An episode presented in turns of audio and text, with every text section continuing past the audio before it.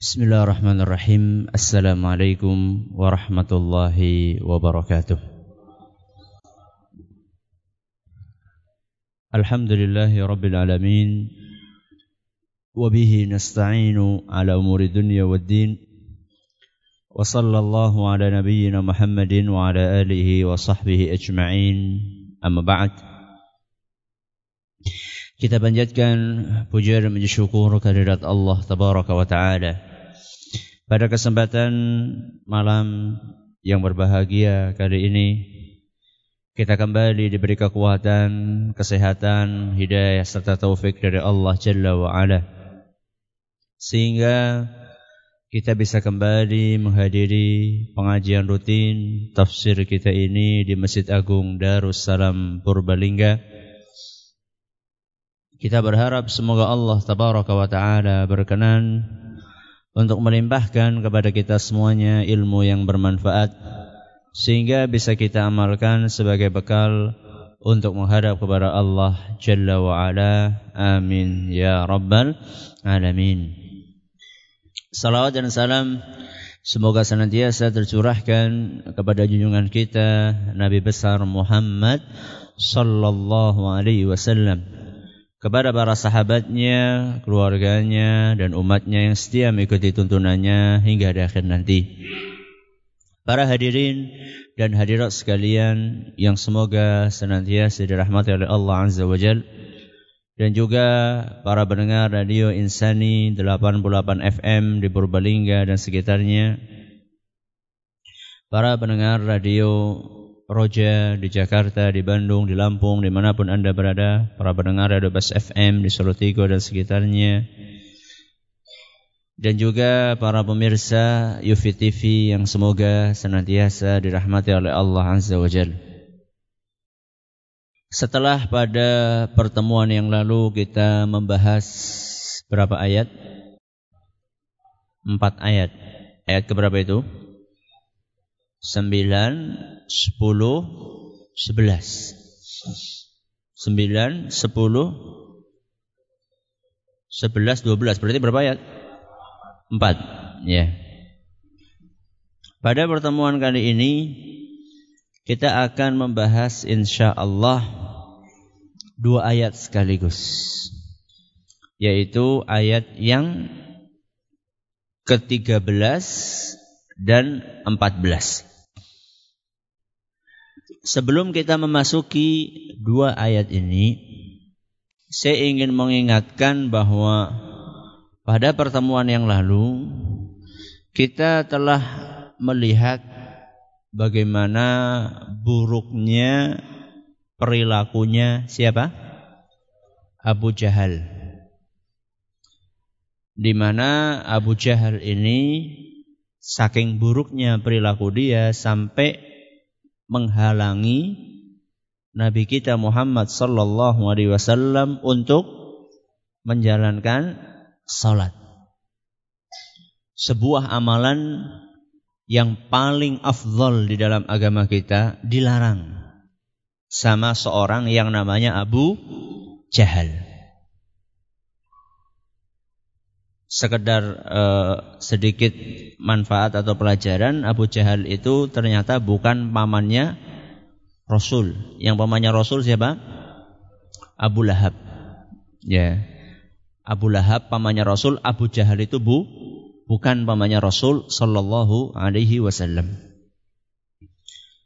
Setelah Allah menjelaskan tentang buruknya perilaku Abu Jahal, di mana Abu Jahal melarang Nabi kita, mencegah, menghalangi Nabi kita untuk sholat, bahkan bertekad untuk menginjak kepala dan leher Nabi kita SAW saat beliau sedang sujud.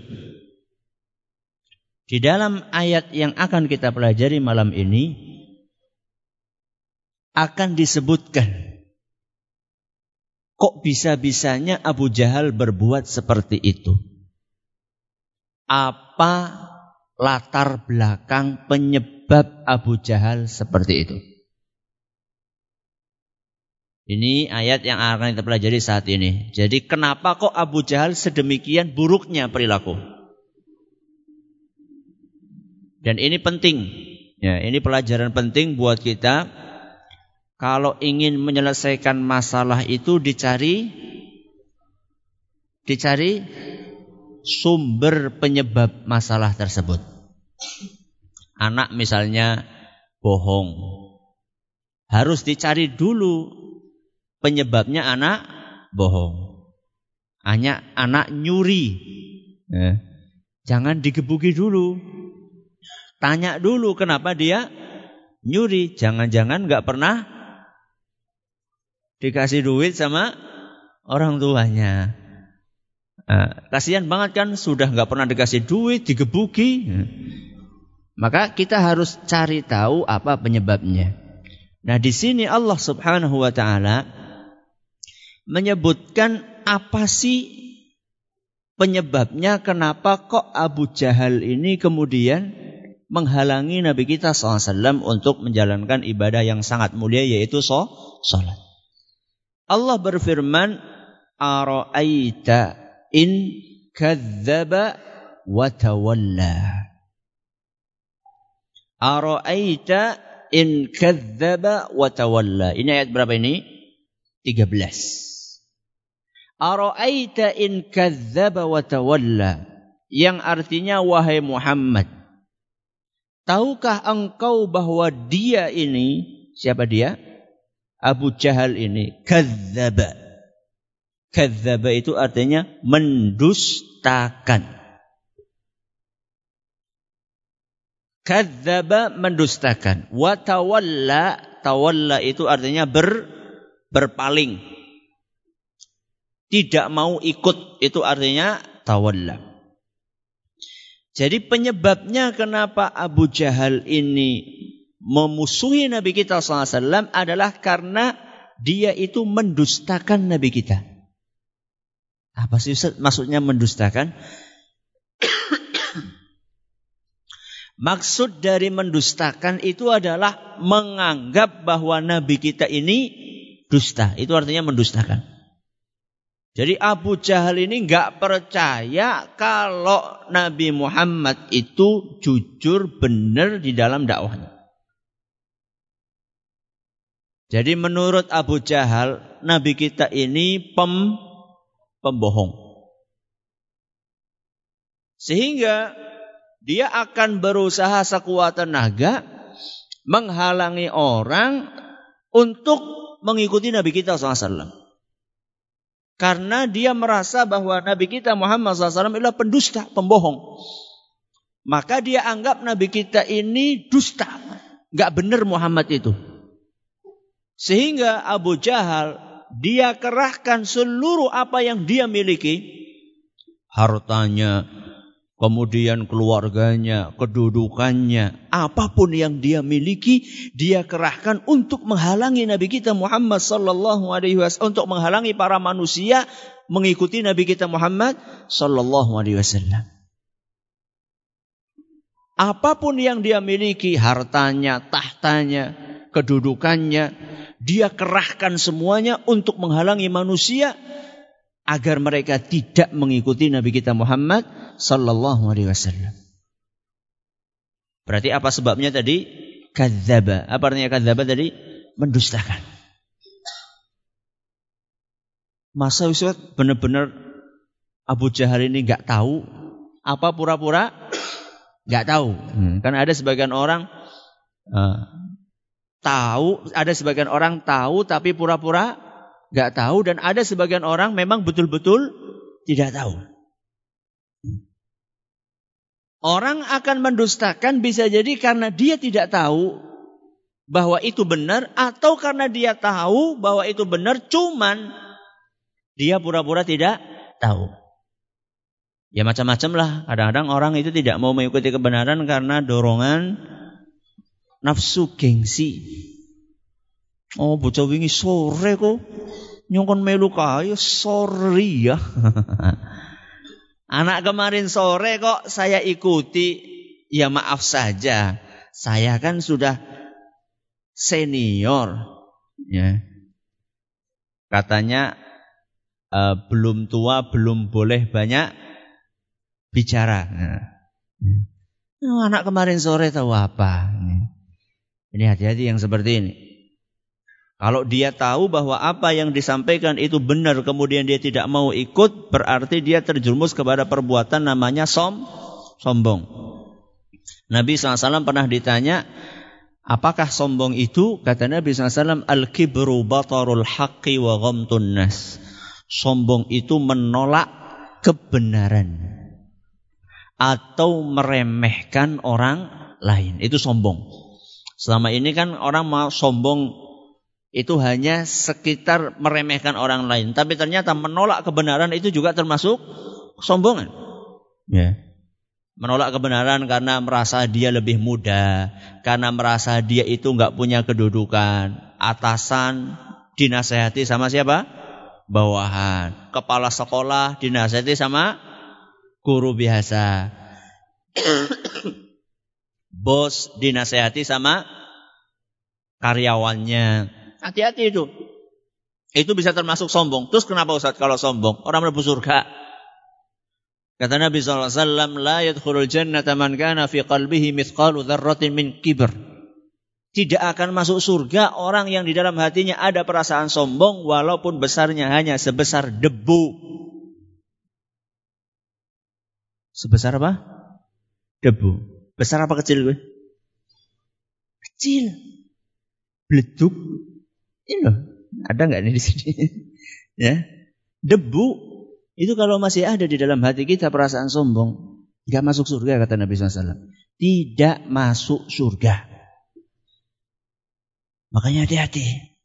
Nah, jangan sampai kedudukan yang kita miliki membuat kita menjadi sombong sehingga tidak mau menerima nasihat orang lain. Kembali kepada tadi kadzaba. Aro'aita in kadzaba terus watawalla. Kadzdzaba tadi artinya apa? Mendustakan. Berikutnya yang dilakukan oleh Abu Jahal adalah watawalla. Apa? Watawalla. Yang artinya adalah berpaling. Ya. Tidak mau ikut. Tidak mau ikut siapa? Nabi kita Muhammad sallallahu alaihi wasallam antara perbuatan yang pertama dan yang kedua, kadzaba sama tawalla.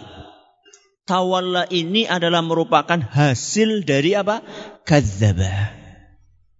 Kadzaba itu buahnya adalah tawalla. Jadi kalau kita pengen tahu kenapa seorang itu tawalla, nggak mau ikut karena dia itu kan kadzaba. Kenapa orang berpaling tidak mau ikut karena dia kadzaba alias mendus, mendustakan. Dari sini kita akan mengambil sebuah pelajaran yang berharga bahwa setiap perbuatan itu sumbernya dari keyakinan. Tawalla berbuat berpaling, tidak mau ikut secara lahiriah itu sumbernya karena kadzaba, karena keyakinan. Karena keyakinan yang ada dalam hati, dia yakin bahwa ini nggak benar, maka saya tidak mau ikut. Apa pun perbuatan, yang baik maupun yang buruk, perbuatan yang kelihatan, itu sumbernya dari mana? Dari keyakinan. Jadi kenapa kok si Abu Jahal ini menghalangi Nabi kita SAW untuk sholat karena dia meyakini bahwa Abu Jahal, bahwa apa yang dilakukan oleh Nabi itu sah, salah. Sebaliknya, Nabi kita Muhammad SAW kenapa begitu tekun beribadah kepada Allah? Karena beliau yakin bahwa apa yang dilakukan itu benar. Mari kita lihat kehidupan sehari-hari. Betapa banyak orang yang melakukan perbuatan-perbuatan, entah itu baik atau buruk, sumbernya karena keya keyakinan.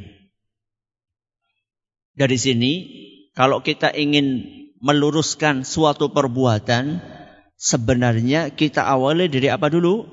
Dari keyakinannya dulu. Kadang-kadang kita heran kan, kok iya ya masih ada orang di zaman ini yang suka pergi ke mana? Dukun. Kok masih ada ya orang di zaman ini yang masih percaya Percaya? Jimat. Kok masih ada ya orang di zaman ini setiap malam Jumat Kliwon atau Jumat apa? Apa sih biasanya? Selain Jumat Kliwon apa ya? Sajen itu Jumat apa? Oh, Selasa apa? Kliwon. Kok tahu? Cere. Atau mantan. Kalau mantan alhamdulillah. mantan berarti sudah apa? Sudah tobat. Alhamdulillah.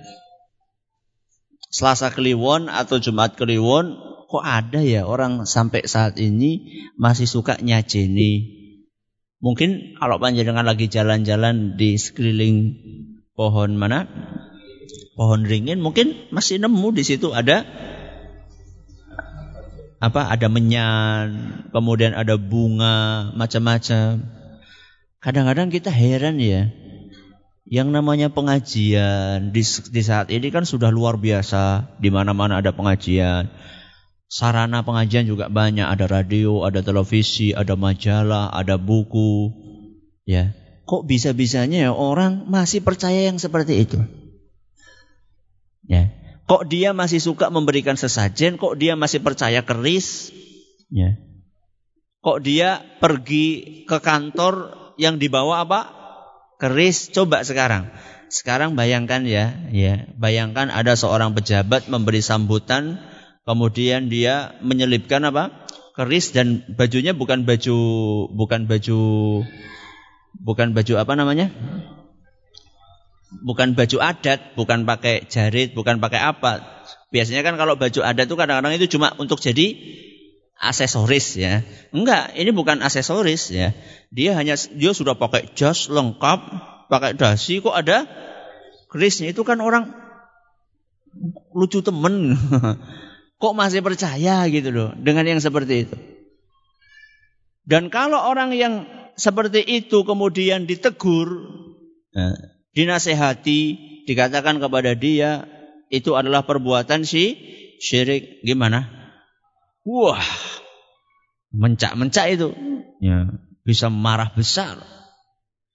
Kok kenapa? Ya.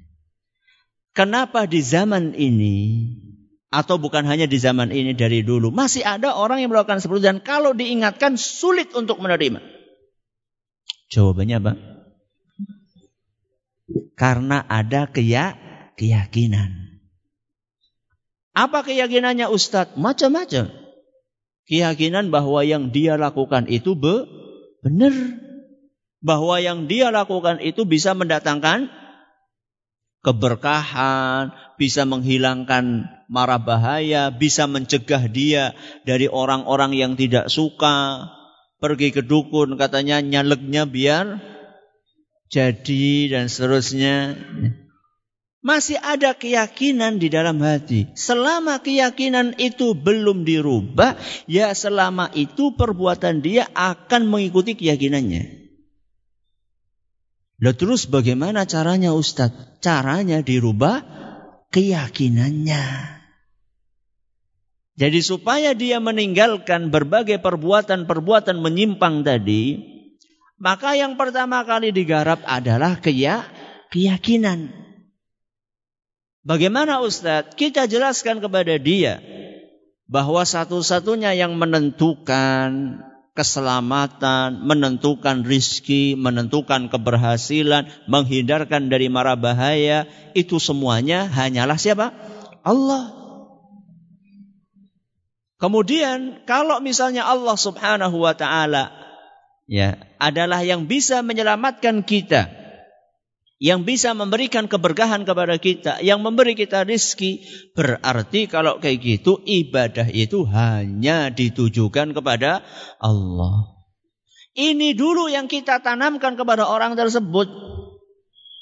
Inilah yang namanya penanaman akidah. Mungkin sering dengar ya akidah, tauhid. Ya itu yang namanya tauhid. Jadi kalau misalnya kita ingin, ya mungkin barangkali masih ada di antara orang tua kita loh.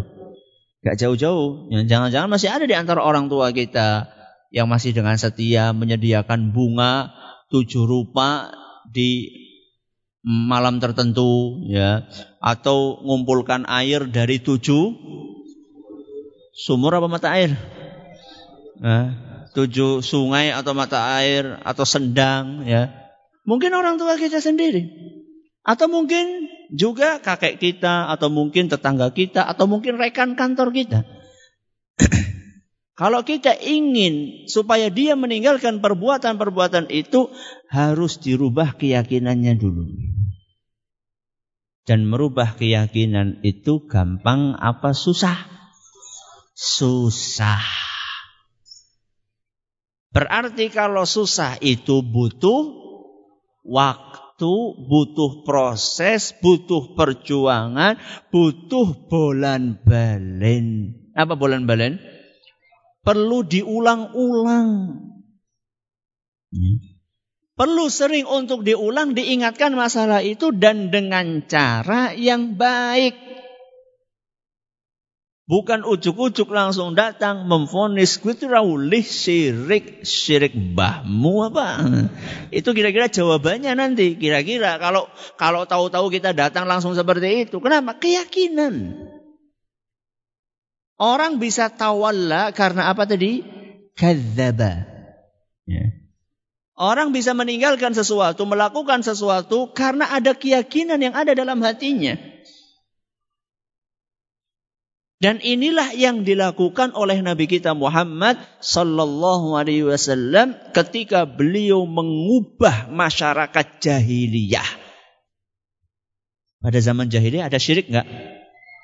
Kudange ya. Kudange syirik jahiliyah.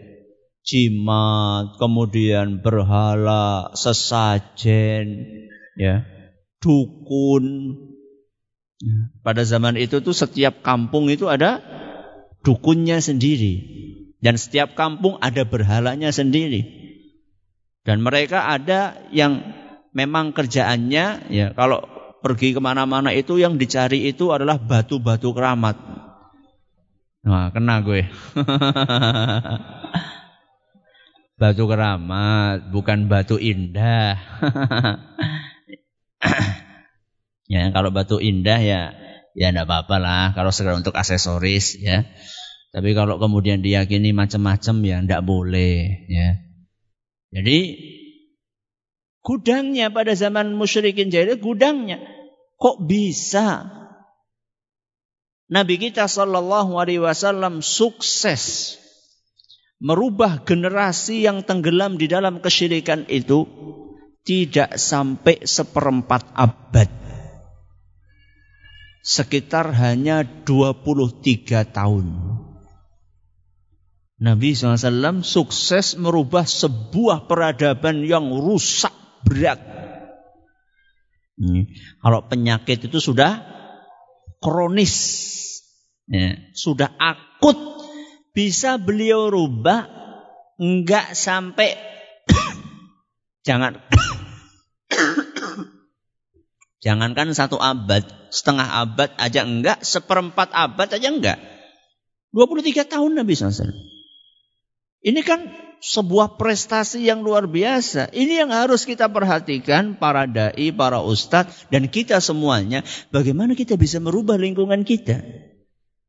Tidak ada cara yang lebih manjur dibandingkan mengikuti cara yang dipraktekkan oleh Rasul SAW. Apa yang dilakukan oleh Rasul SAW? Merubah akidah, merubah keyakinan, menguatkan tauhid dan itu beliau lakukan secara totalitas antara lain ketika beliau mulai berdakwah di kota Mekah. Berapa tahun sih beliau di Mekah? Berapa tahun? Sekitar 13 setengah tahun. Sekitar 13 setengah tahun. Itu beliau selama 13 setengah tahun di Mekah. Yang digarap itu ya akidah. Yang digarap adalah tauhidnya masyarakat saat itu. Dan Nabi SAW tidak pernah bosan untuk mengajarkan tauhid yang benar, meluruskan akidah yang benar.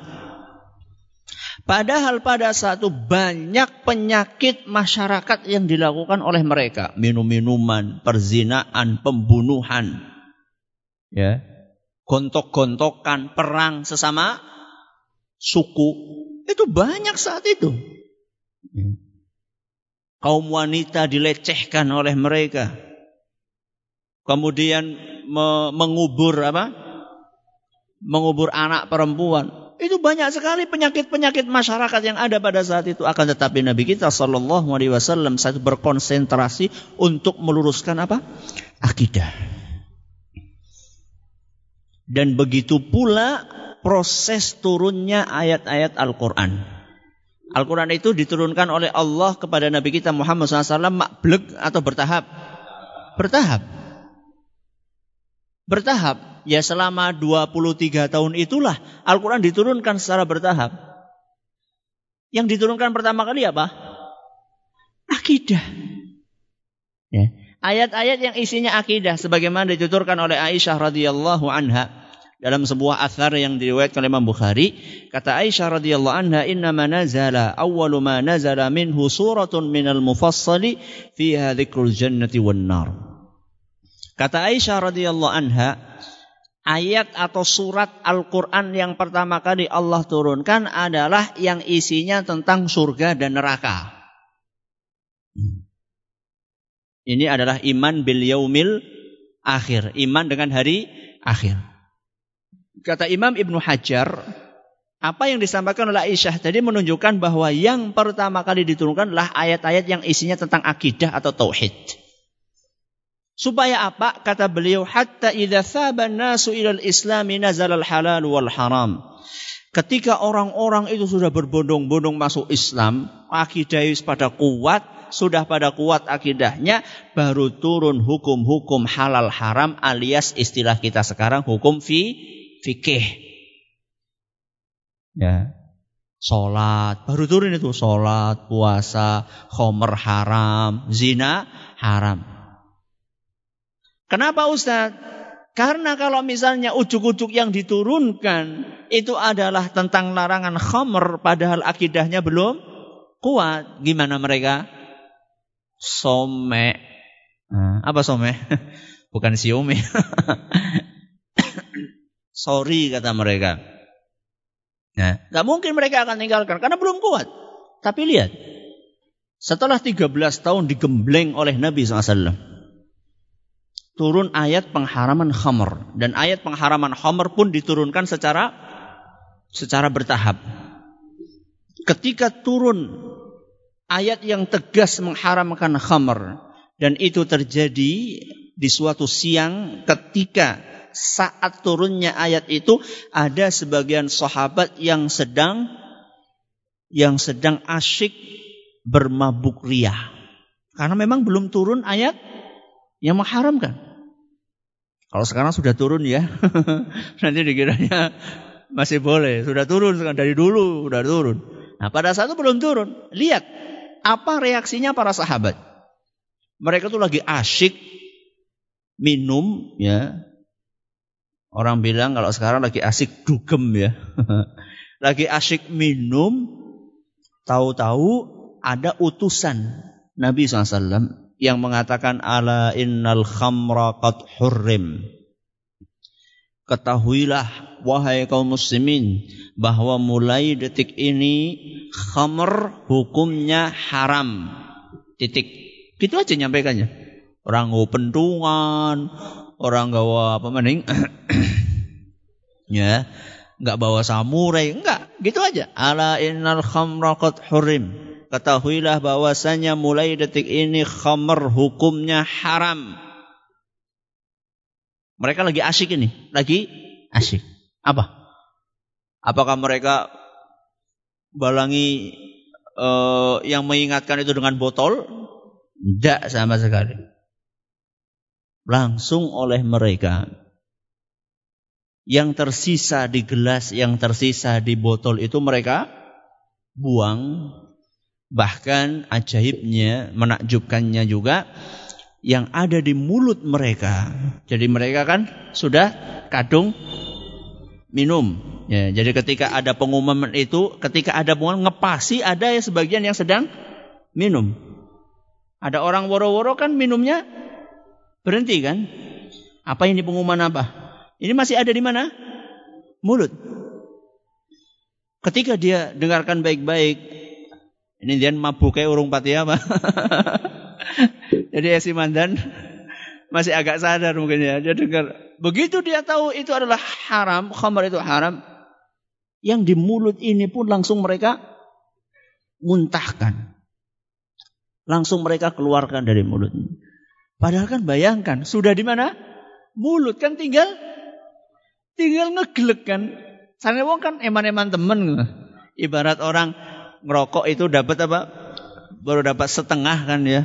Lu eman-eman temen dibuang lah, simpen di situ lah. Enggak ada.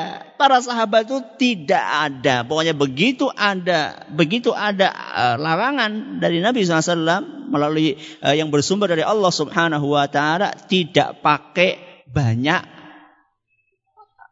uh, tidak pakai banyak alasan. Haram-haram langsung ditinggalkan. Kenapa bisa seperti itu? Kenapa tadi? sudah digarap akidahnya. Makanya kalau ingin merubah ya perilaku yang tidak baik digaraplah hatinya terlebih dahulu. Makanya Nabi SAW, akidah itu kan tempatnya di mana? Di hati.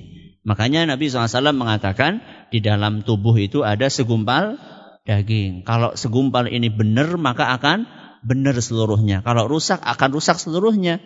Itulah hati. Hati itulah akidah yang ada di dalamnya. Sudah. Aro'aita in kadzdzaba wa tawalla. Ini ayat keberapa tadi? 13. Ayat yang ke-14. Allah mengatakan alam ya'lam bi annallaha yara. Apa artinya? Tidakkah dia tahu?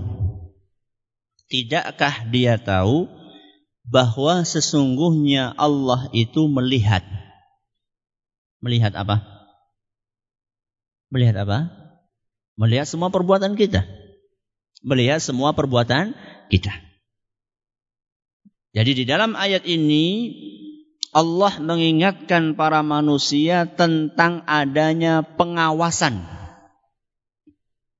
Pengawasan dari Allah pengawasan terhadap setiap gerak-gerik manusia.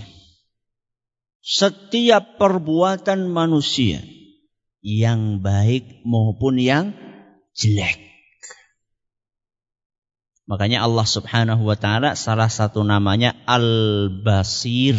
Apa Al-Basir? Yang Maha melihat. Jadi Allah Subhanahu wa taala melihat setiap yang kita kerjakan, yang baik maupun yang jelek. Terus kenapa Ustadz kalau dilihat sama Allah? Apa Allah sekedar melihat? Enggak. Setelah melihat Allah akan memberikan ganjaran. Ya. Orang yang melakukan amal soleh akan diganjar dengan pahala. Orang yang melakukan amal yang buruk akan diganjar dengan sik siksa. Apa manfaatnya Ustaz? Apa manfaatnya kita mengingat pengawasan Allah? Ada nggak manfaatnya kita menyadari pengawasan Allah? Ada nggak? Oh banyak sekali manfaatnya. Minimal dua. Jadi orang itu merasa diawasi oleh Allah, manfaatnya dua. Satu, akan bersemangat ibadah. Yang kedua, akan hati-hati untuk melakukan perbuatan mak maksiat.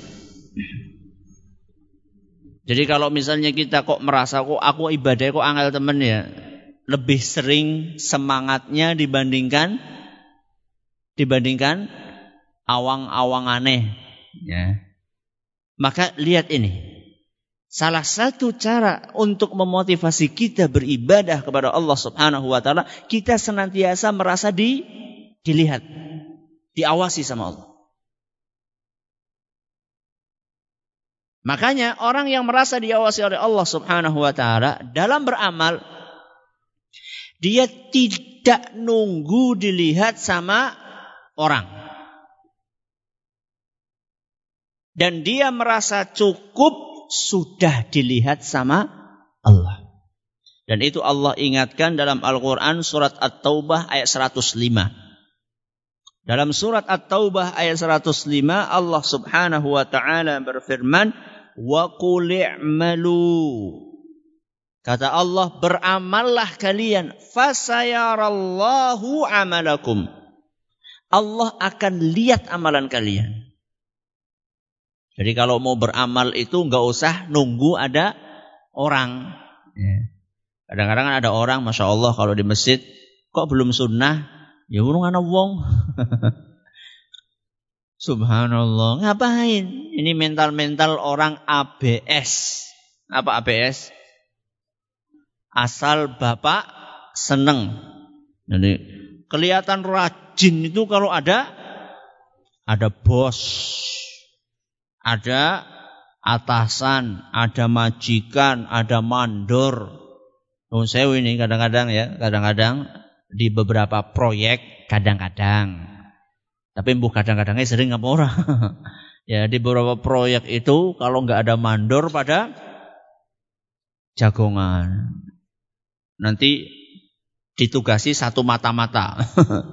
Jadi kalau misalnya ada mandor datang, langsung ada kode. Ya. Kelihatan begitu mandor datang, kelihatan sibuk kabeh. Bu sibuk apa? Sebenting Nah, kelihatan sibuk utak-utak mau ngapain gitu loh. Ini mental-mental ABS. Ya. Kalau orang yang beriman, ada bos, ada mandor, ada atasan atau tidak ada, dia tahu bahwa dia ini sedang mengemban amanah yang akan terus diawasi oleh siapa? Oleh Allah Subhanahu wa taala. Makanya orang-orang yang senantiasa beramal walaupun gak dilihat sama manusia, akan diganjar dengan ganjaran yang luar biasa. Antara lain sebuah hadis yang sering kita dengar, hadis riwayat Bukhari dan Muslim yang menjelaskan sab'atun yudhilluhumullahu fi dhillihi yauma la dhilla illa dhilluh. Akan ada tujuh golongan yang mendapatkan naungan dari Allah di saat saat itu tidak ada naungan kecuali naungannya Allah di padang mahsyar yang matahari didekatkan satu satu mil ya di atas kepala kita. Ada orang-orang yang mendapatkan naungan dari Allah Subhanahu wa taala tujuh golongan. Golongan yang ketujuh kata Nabi sallallahu alaihi wasallam, "Wa rajulun dzakarallaha khalian fafadat ainahu." Golongan yang ketujuh adalah orang yang mengingat Allah sampai meneteskan air mata di saat tidak ada orang lain. Alias sedang sendirian. Golongan yang ketujuh inilah salah satu dari tujuh golongan yang akan mendapatkan naungan dari Allah Subhanahu wa taala. Enggak ada orang tapi bisa nangis. Alias beramal walaupun tidak dilihat oleh orang. Kenapa? Karena dia yakin bahwa yang akan memberi ganjaran itu siapa? Allah. Manusia yang melihat kita beramal itu nggak bisa ngasih apa-apa. Wah, Ustaz, kayak gitu kelihatannya sulit Ustaz. Iya, makanya itu derajat yang paling tinggi. Jadi kepatuhan beragama seorang itu berkelas-kelas. Yang paling tinggi itu namanya ihsan. Nengi sore apa? Di bawahnya ihsan apa? Iman. Di bawahnya iman apa? Islam. Ada muslim, ada mukmin, ada muhsin. Perbuatannya ada Islam, ada iman, ada ihsan. Nyong jenenge ihsan Ustaz udah jenenge. Amalannya apa itu ihsan? Ya Nabi Shallallahu Alaihi Wasallam pernah ditanya mal ihsan, wahai Rasul ihsan itu apa? Kata Nabi SAW, anta'budallaha ka'annaka tarahu.